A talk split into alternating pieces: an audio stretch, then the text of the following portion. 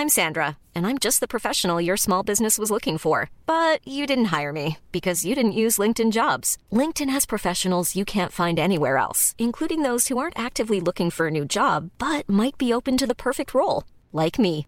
In a given month, over 70% of LinkedIn users don't visit other leading job sites. So if you're not looking on LinkedIn, you'll miss out on great candidates like Sandra. Start hiring professionals like a professional. Post your free job on linkedin.com/people today.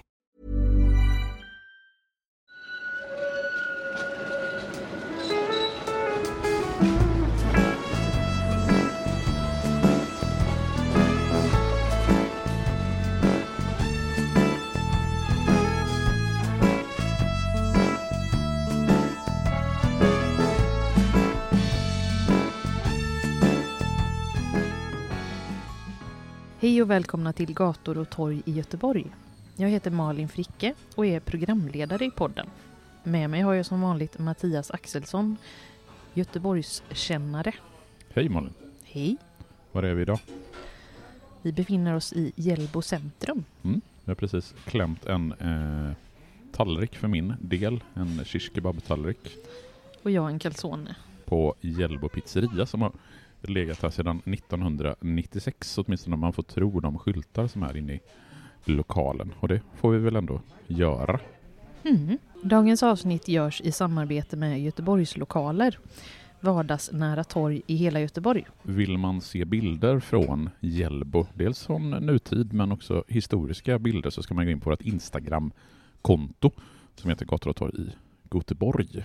Och ni hittar oss även på patreon.com snedstreck gator och torg i Göteborg. Och då slipper ni reklamen bland annat och så får ni alla goda avsnitt i full längd.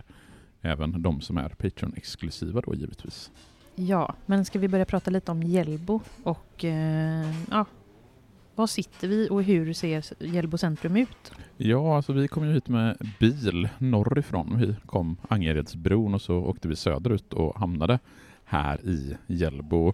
Ska man placera in Hjällbo på en karta så är det ja, men mellan Eriksbo och Hammarkullen ungefär där Lärjeån rinner in från Göta älv om man har en karta framför sig. Och man skulle kunna se Hjällbo som en del av området Lärjedalen. Nu byter ju Göteborg stadsdelar och stadsdelsnamn ofta när man gör byter kalsonger, så jag är inte helt hundra på vilken stadsdel Hjällbo för närvarande tillhör. Men om man tittar på det som utgör Hjällbo centrum så är bebyggelsen i Hjällbo centrum själva de centrala delarna av Hjällbo. Där finns det tre stycken sexvåningshus, en butiksbyggnad där det bland annat då finns en pizzeria där vi sitter. Det finns en kyrka med en församlingsexpedition och runt omkring Hjällbo centrum med byggnader så finns det ett antal tätt liggande bostadsområden och de är ganska tydligt avgränsade och trafikseparerade som det heter. Och det är ju väldigt typiskt för miljonprogrammets arkitektur som ju Hjällbo och Hjällbo centrum är en väldigt tydlig del av. Men var kommer namnet Hjällbo ifrån? Ja, alltså då kan vi faktiskt gå tillbaks till mitten av 1500-talet för då finns det skriftliga belägg på att området hette Gällbur. Och det kommer troligen av det fornsvenska namnet Gälle och bur som betyder bodar.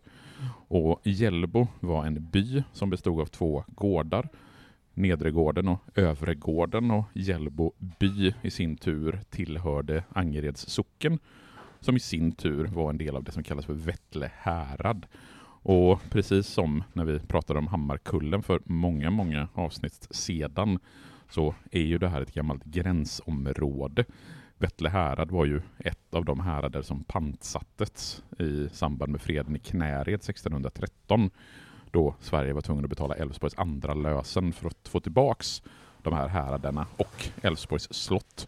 Det är ju det som i sin tur sen lägger grunden för att Göteborg grundas 1621. Men hur såg det ut här på 1600-talet då när Göteborg grundas efter freden i Knäred? Ja, så precis som alla andra områden runt Göteborg så är Hjällbo, eller var Hjällbo då, skogs och bergs och jordbruksmark. För Göteborg är ju den enda stadsbebyggelsen på långa, långa avstånd och det mesta runt omkring här ute i Hjällbo det var åkrar och ängsmarker.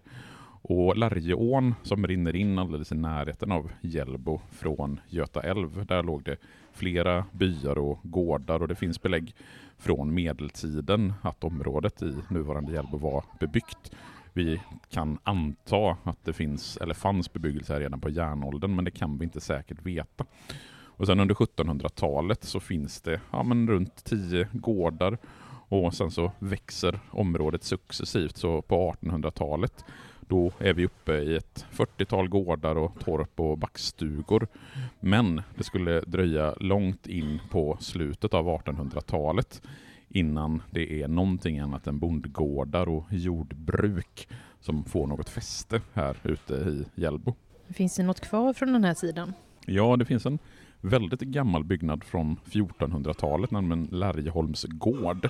Och det vet vi faktiskt från 1463 eftersom det finns ett köpebrev bevarat där ståthållaren på Älvsborgs slott köpte en tomt i Lärje. Och sen har Lärjeholms gård haft en viss roll i den svenska historien. Gustav Vasas svägerska, Ebba Leijonhufvud, hon ägde Lärjeholmen. Sen attackerades området flera gånger och 1645 i samband med Hannibalsfejden så brändes hela gården ner. Och sen har det bott framstående adelsmän, till exempel Harman Wrangel och Christer Horn som var fältmarskalk.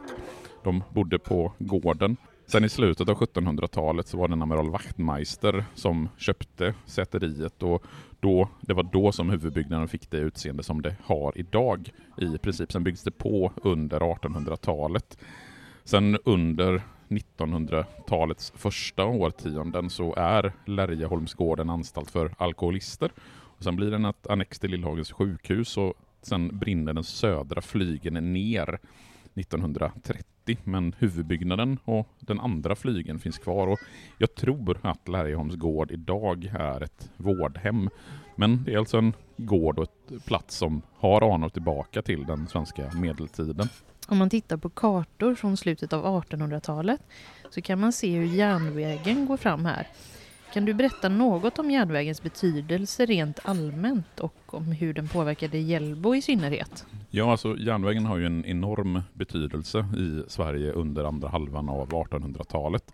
Den första ordentliga järnvägen det är ju den västra stambanan som invigs 1862. Den pratade du och jag ganska mycket om när vi pratade om centralstationen. Men för det Hjällbo som etableras kring sekelskiftet 1900, då är järnvägen liksom helt avgörande. För innan sekelskiftet då kunde man ta sig till Lärje station via Bergslagsbanan som gick ut med Göta älv till Hjällbo. Och sen så byggs det ett antal sådana här stambanor i Sverige. Västra stambanan har jag redan nämnt. Norra stambanan kommer fyra år senare. Mittbanan, norra stambanan byggs vidare i slutet på 1800-talet. Och sen den här Bergslagsjärnvägen, den går då från Göteborg till Falun och invigs under 1870-talet. Sen från sekelskiftet 1900 ända fram till 1967 så kunde man faktiskt åka med ånglok via lilla Västgötabanan ut hit till Hjällbo. Och någonstans på 1920-talet så får Hjällbo en egen station och det är kring den här stationen i Hjällbo som man på 1940-talet, alltså under andra världskriget, i princip bygger ett egna hemsområde i Hjällbo. Millions of people have lost weight with personalized plans from Noom. Like Evan, who can't stand salads and still lost 50 pounds. Salads generally for most people are the easy button, right? For me, that wasn't an option. I never really was a salad guy. That's just not who I am. But Noom worked for me. Get your personalized plan today at Noom.com. Real Noom user compensated to provide their story. In four weeks, the typical Noom user can expect to lose one to two pounds per week. Individual results may vary. I'm Sandra, and I'm just the professional your small business was looking for. But you didn't hire me because you didn't use LinkedIn jobs. LinkedIn has professionals you can't find anywhere else, including those who aren't actively looking for a new job but might be open to the perfect role, like me. In a given month, over 70% of LinkedIn users don't visit other leading job sites. So if you're not looking on LinkedIn, you'll miss out on great candidates like Sandra. Start hiring professionals like a professional. Post your free job on linkedin.com/people today. Egnahemsrörelsen, vad, vad kan du berätta om den? Ja, så egnahemsrörelsen, det är de som ligger bakom de här egnahemsområdena. Och syftet med den rörelsen som har sitt ursprung i 1800-talet är att man ska bygga billiga små hus som vanliga människor skulle ha råd med.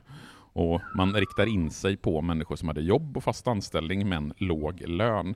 Och då är tanken att ägarna av huset de ska stå för 10% av kostnaden när man bygger det här huset. Och sen så lånar staden ut resten av pengarna. Och till skillnad från till exempel statarlängor eller torp eller hyreslägenheter som vi har idag så skulle de här egna hemmen inte ägas av någon annan än just den boende själv. Så det var lite ett sätt för eh, ja, men låglönade att ta makten över sitt boende. Och det är det som växer fram här då i Hjällbo på 1940-talet. Det låter ju som en väldigt socialistisk grej att staten skulle gå in och hjälpa folk jo. att kunna ta lån till ja. sitt, sitt, eget hem. Och det är ju väldigt, kunna äga ett hem. Det är väldigt typiskt för den socialdemokratiska byggandet av folkhemmet som någonstans kommer här under 1930, 1940, 1950-talet. Just att man ska gynna låglönade arbetare, skötsamma arbetare. För det är ju väldigt viktigt det här att det är ju inte vilka sluskar som helst som ska ha tillgång till de här egna hemmen, utan det är ju de skötsamma arbetarna. De här egna hemmen då byggs mitt under andra världskriget, där, där Sverige klarar sig undan. Hur är det då i Göteborg efter kriget? Ja, vi har ju varit inne på det här ganska många gånger, just hur gynnsam situationen var för Sverige i allmänhet och Göteborg i synnerhet när andra världskriget är slut. Det blomstrar. Ja, det är ju då, det, är det vi kallar för de svenska rekordåren. Sverige har ju stått utanför kriget, vilket gör att våra fabriker är inte sönderbombade. Men i Europa så skriker man efter produkter som produceras i Sverige och det är ju då vi får den här stora arbetskraftsinvandringen från bland annat Italien, från Finland. Och Göteborg i synnerhet är ju en oerhört expansiv region på 1940, 1950 och 1960-talet. Vi har hamnen som har enorm växtverk på 1960 och 70, ja, fram till 1970-talet, det är då varvskrisen börjar. Vi har Arendalsvarvet. SKF? Kullager? SKF kullager, svinbra för dem. Volvo Torslanda är ju relativt nybyggt här. Och Göteborg vill ju växa ännu mer, men ytan för Göteborgs stad är ju ganska begränsad. Alltså man saknar mark för att bygga industrier och de storskaliga bostadsområden som behövs för att staden ska växa.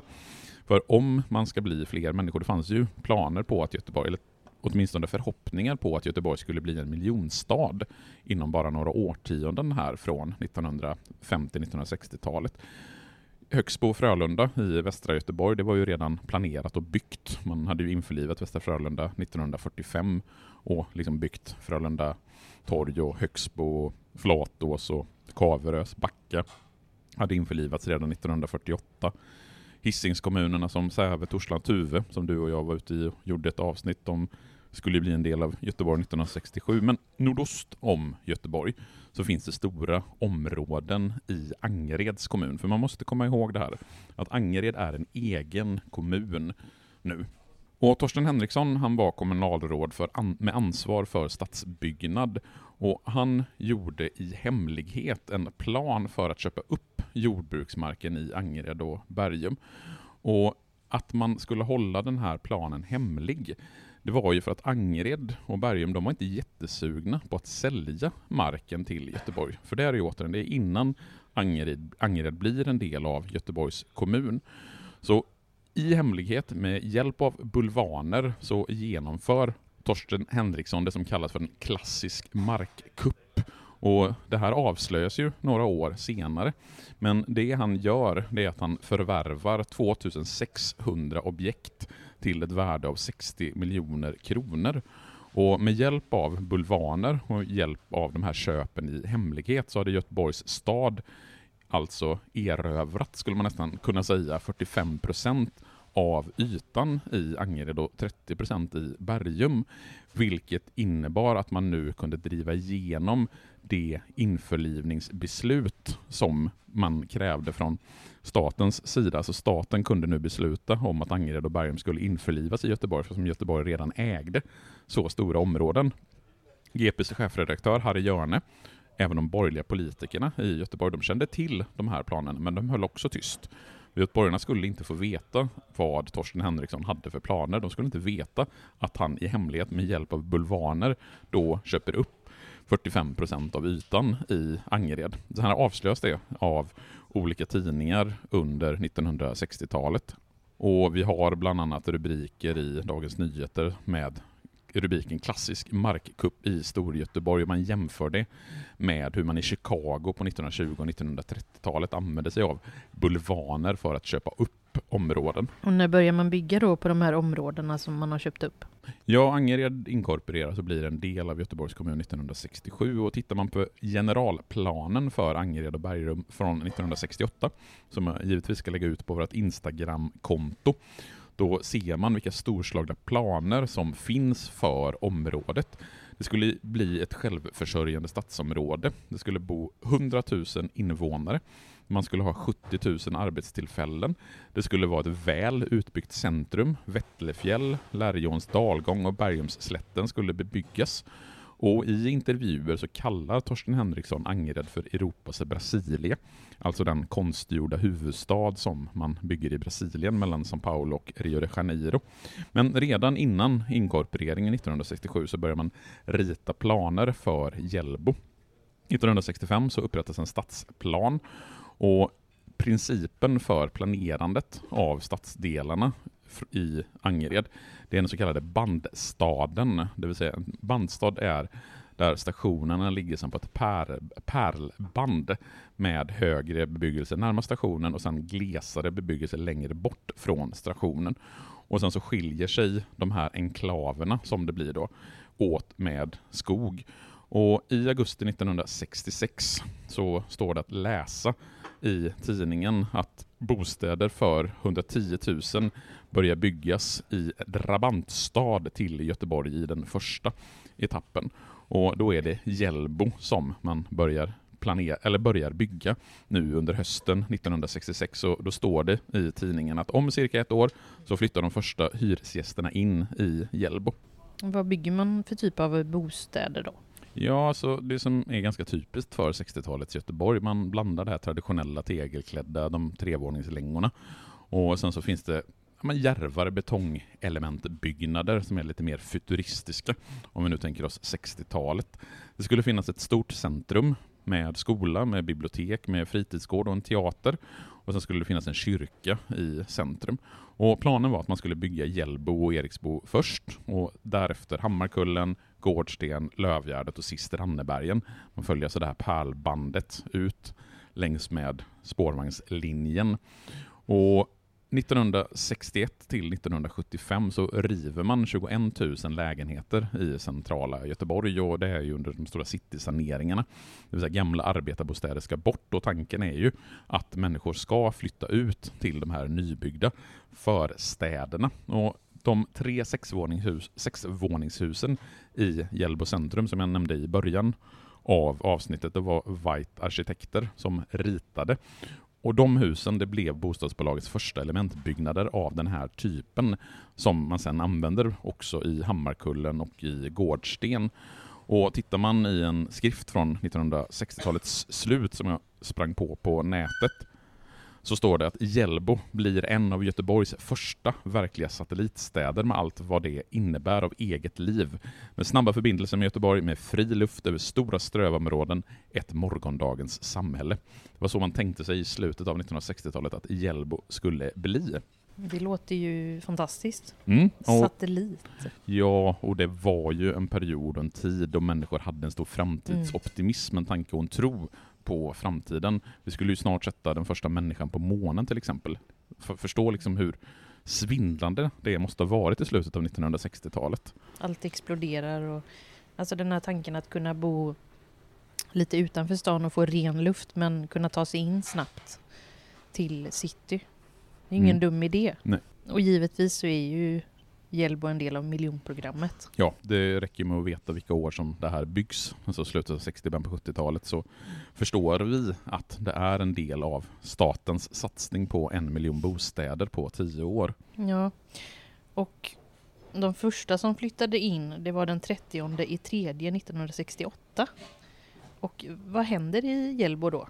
Ja, om man tittar på beskrivningar från alltså samtida beskrivningar, för det är oftast det man får utgå ifrån. Att titta, att människor försöker minnas tillbaka idag hur det var att flytta in i Hjällbo. Det är Vi inte... tittar på en gammal eh, tidningsartikel här med lite bilder. Det står vi har flyttat till Hjällbo och här trivs vi. Mm. Så säger de som flyttat hit till staden i öster. Byt, bytte mot halvmodernt, vi fick billigare hyra. Ja, och i själva artikeln så citeras Göran Gustafsson som är en av de första som flyttar in till Hjällbo tillsammans med sin familj. Att det är underbart att komma till den här högmoderna lägenheten, till den rymliga bostaden så väl utrustad. Och det är nog så mycket så här människor tänker och känner när de flyttar till de här nybyggda toppmoderna lägenheterna. För man ska ju komma ihåg, och jag har varit inne på det många gånger, att de människorna som flyttar ut till förorterna, de kommer inte sällan från väldigt slitna och nedgångna arbetarkvarter. Trånga. Trångbott, det kunde vara eh, toalett på gården, det kunde vara så att man delade ett dass med flera familjer, man kunde bo en hel familj i en etta. Och det var liksom nedgånget och då komma hit till det här toppmoderna. Ja, det var nog för en del som att komma till himlen för att citera hur en boende som flyttade till Axeldalstorg och Högsbo på 50-talet beskrev det. Men om man tittar på hur det här fortsätter sen så byggs de västra delarna av Angered, Angered ut enligt den här generalplanen medan de östra delarna och Bergum fortfarande bär spår från tiden när Angeredsbor var bönder. För här breder jordbruksmarken ut sig man är norr om Gråbovägen och det finns väldigt mycket småskalig bebyggelse när man kommer ut i de delarna av Angered. Och den dåvarande generalplanen från slutet av 1960-talet, det var ju tanken att man skulle bygga ut ett stadsområde som om det hade förverkligats skulle ha blivit Sveriges fjärde största stad till år 2000. Det skulle vara något mindre än Malmö, men faktiskt större än Uppsala. Man kommer ju osökt in på den tanken, vad var det som hände? Mm. Varför blev det inte så? Som generalplanen hade... Det beror ju på den stora oljekrisen och därpå följande ekonomiska krisen under 1970-talet. Det vill säga det som i princip sätter stopp för de svenska rekordåren. Med det kommer också varvskrisen i Göteborg. Vi har en enorm arbetslöshet under 1970-talet. Och det här folkhemsprojektet, den här idén om att evig tillväxt, att det ska liksom rulla på, ingen arbetslöshet, det kraschlandar lite grann på 1970-talet. Och idyllen som man kunde leva ute i förstäderna, som vi nu kallar förorter. Ja, och någonstans här så etableras ju också bilden av till exempel Hjällbo som ett problemområde. Men innan det här så har vi hunnit bygga ett centrum. För 1969 så bygger man själva Hjällbo centrum. Och i sin samtid så beskrivs det faktiskt så här att det upplevdes som ett spännande område med lagom avstånd till centrum, med hög standard på lägenheterna, nära naturen och snabbspårvagn mitt i bebyggelsen. Och dessutom så var området bilfritt. Och det här är ju någonting som man verkligen inte ska underskatta. För tanken med att bygga områden och förorter på det här sättet med trafikseparering, det är ju just för att man inte vill blanda människor och bilar. Alltså bilarna ska gå för sig och människorna ska hålla sig för sig. Och det är ju ändå en ganska sympatisk tanke. Men massa människor flyttar in i Hjällbo. 1970 så hade Hjällbo faktiskt fler invånare än vad det någonsin har haft sedan dess. Det var mycket positivt. Behovet av bostäder var stort. Och man var oftast glad över att komma bort från de här saneringsområdena till, ja, men som du nämnde, den vackra, vackra naturen. Friluftslivet. Ja, och, men, men det är lite det som människor i staden kanske söker här. Sen så minskar efterfrågan på bostäder under 1970-talet just på grund av den här krisen, vilket gör att byggnationen stannar av successivt för att sen liksom i princip, ja men det blir ingen mer byggnation och de här planerna förverkligas inte. Ja, Men är det inte den eh, utvecklingen som skedde i alla miljonprogram? Ja, alltså mer eller mindre. Jag tycker man ska vara lite försiktig med att generalisera för mycket kring olika miljonprogramsområden. För val- varje miljonprogramsområde, eller varje stadsdel, varje område har sin unika historia. Biskopsgården är inte Hjällbo. Hjällbo är inte Tynnered. Tynnered är inte Angered, utan varje område bär på sina unika erfarenheter. Men det som händer här i Hjällbo under 70-talet, det är att det etableras en bild av att Hjällbo är ett problemområde. Man har en ganska stor utflyttning från området redan under 1970-talet. Det är en nettominskning av befolkningen på 10 procent 71, 72, 73, vilket innebär att vi har alltså en tredjedel av befolkningen har försvunnit fram till 1974 och i tidningarna så rapporteras det om eländesbilder och hur det bara bor socialbidragstagare. Och du kan väl läsa den rubriken från GP i sommaren 1973. Ja, just det. Skrämmande framtidssyn på Hjällbo. Bara socialhjälpstagare kvar. Asocialiteten tilltar allt mer. Och det är inte ovanligt att områden beskrivs just på det här sättet under 1970-talet. Och det är ju en områdesbeskrivning som inte, liksom, den, den saknar inte grund i verkligheten. För det blir fler socialbidragstagare, det blir fler fattiga, det finns ganska många tomma lägenheter, det blir en tung social problematik. Det flyttar ut människor, de som framförallt flyttar ur flyttar ut, det är människor med svensk bakgrund och inflyttar istället människor med utländsk bakgrund. Det behöver inte vara ett problem i sig, men om många människor som inte pratar svenska samlas på ett och samma ställe så brukar det generera problem och utanförskap. Man kan ju också eh, gissa sig till att underhållet av både miljön och lägenheterna i princip försvann eller ja, blev de, väldigt dåligt och försämrat. Det blir ju inte sällan så när en problembild stämplas på ett område. Men efter en återhämtning i slutet på 1970-talet så pendlar invånarantalet i Hjällbo på någonstans mellan 5 och 5700 till början av 90-talet. Och ett exempel på den här problematiken är att 40 procent, alltså nästan hälften av lägenheterna i Hjällbo i mitten på 70-talet inte är uthyrda. De står alltså tomma.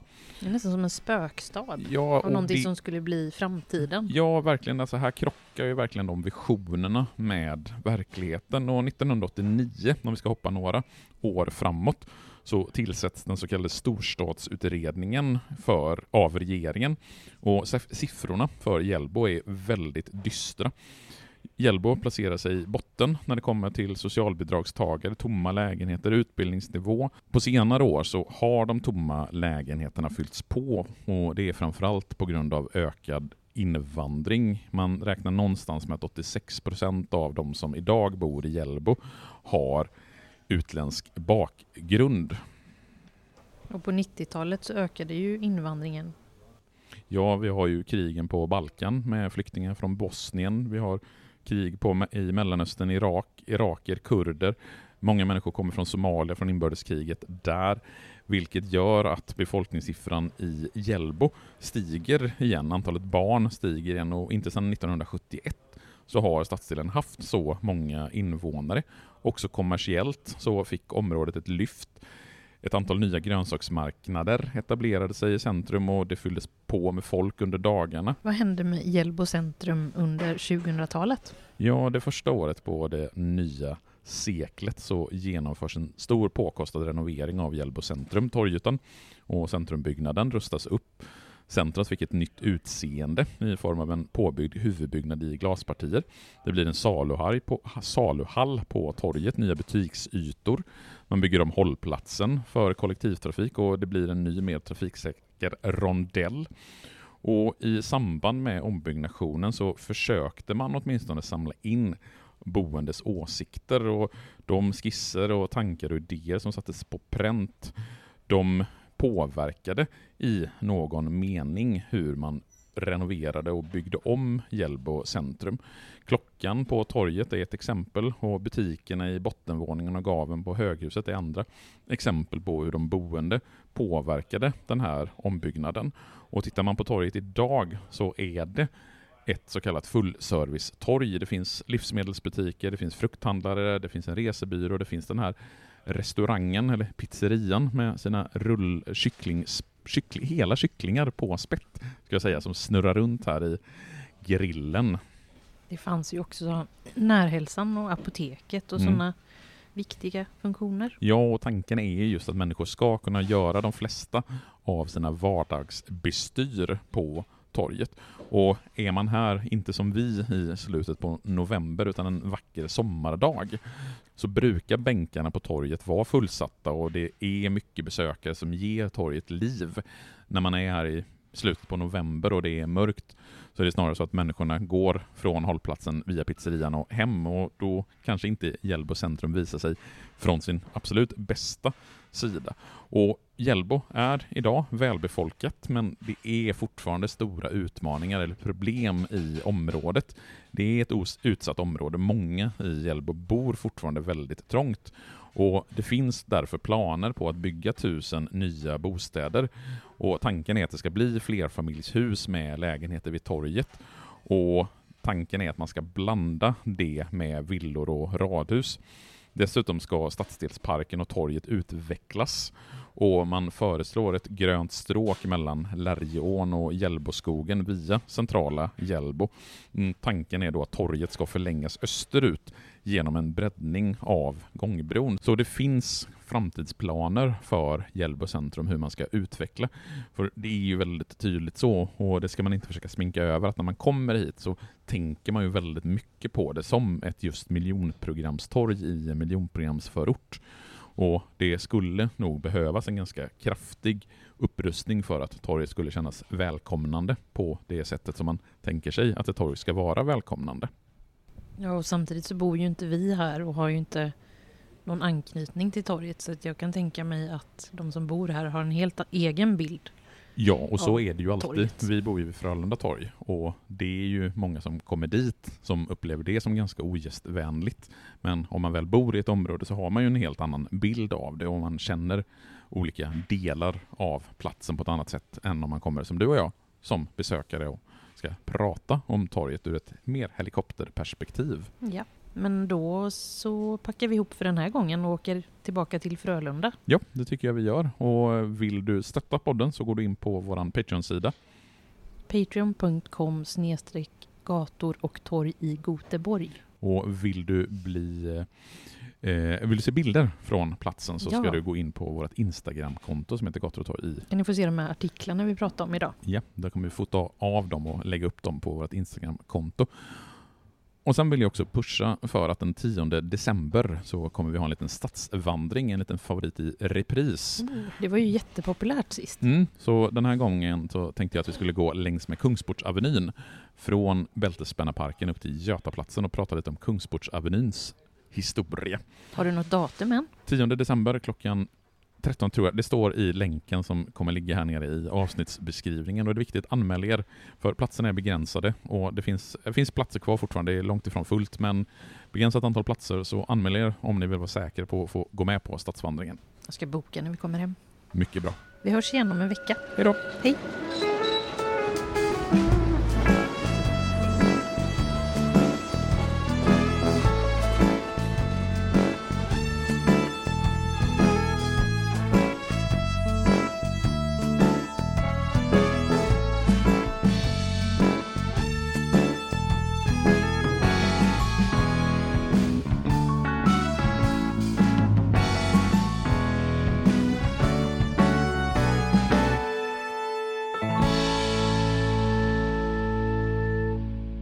Gator och torg i Göteborg produceras av Reostat Media AB.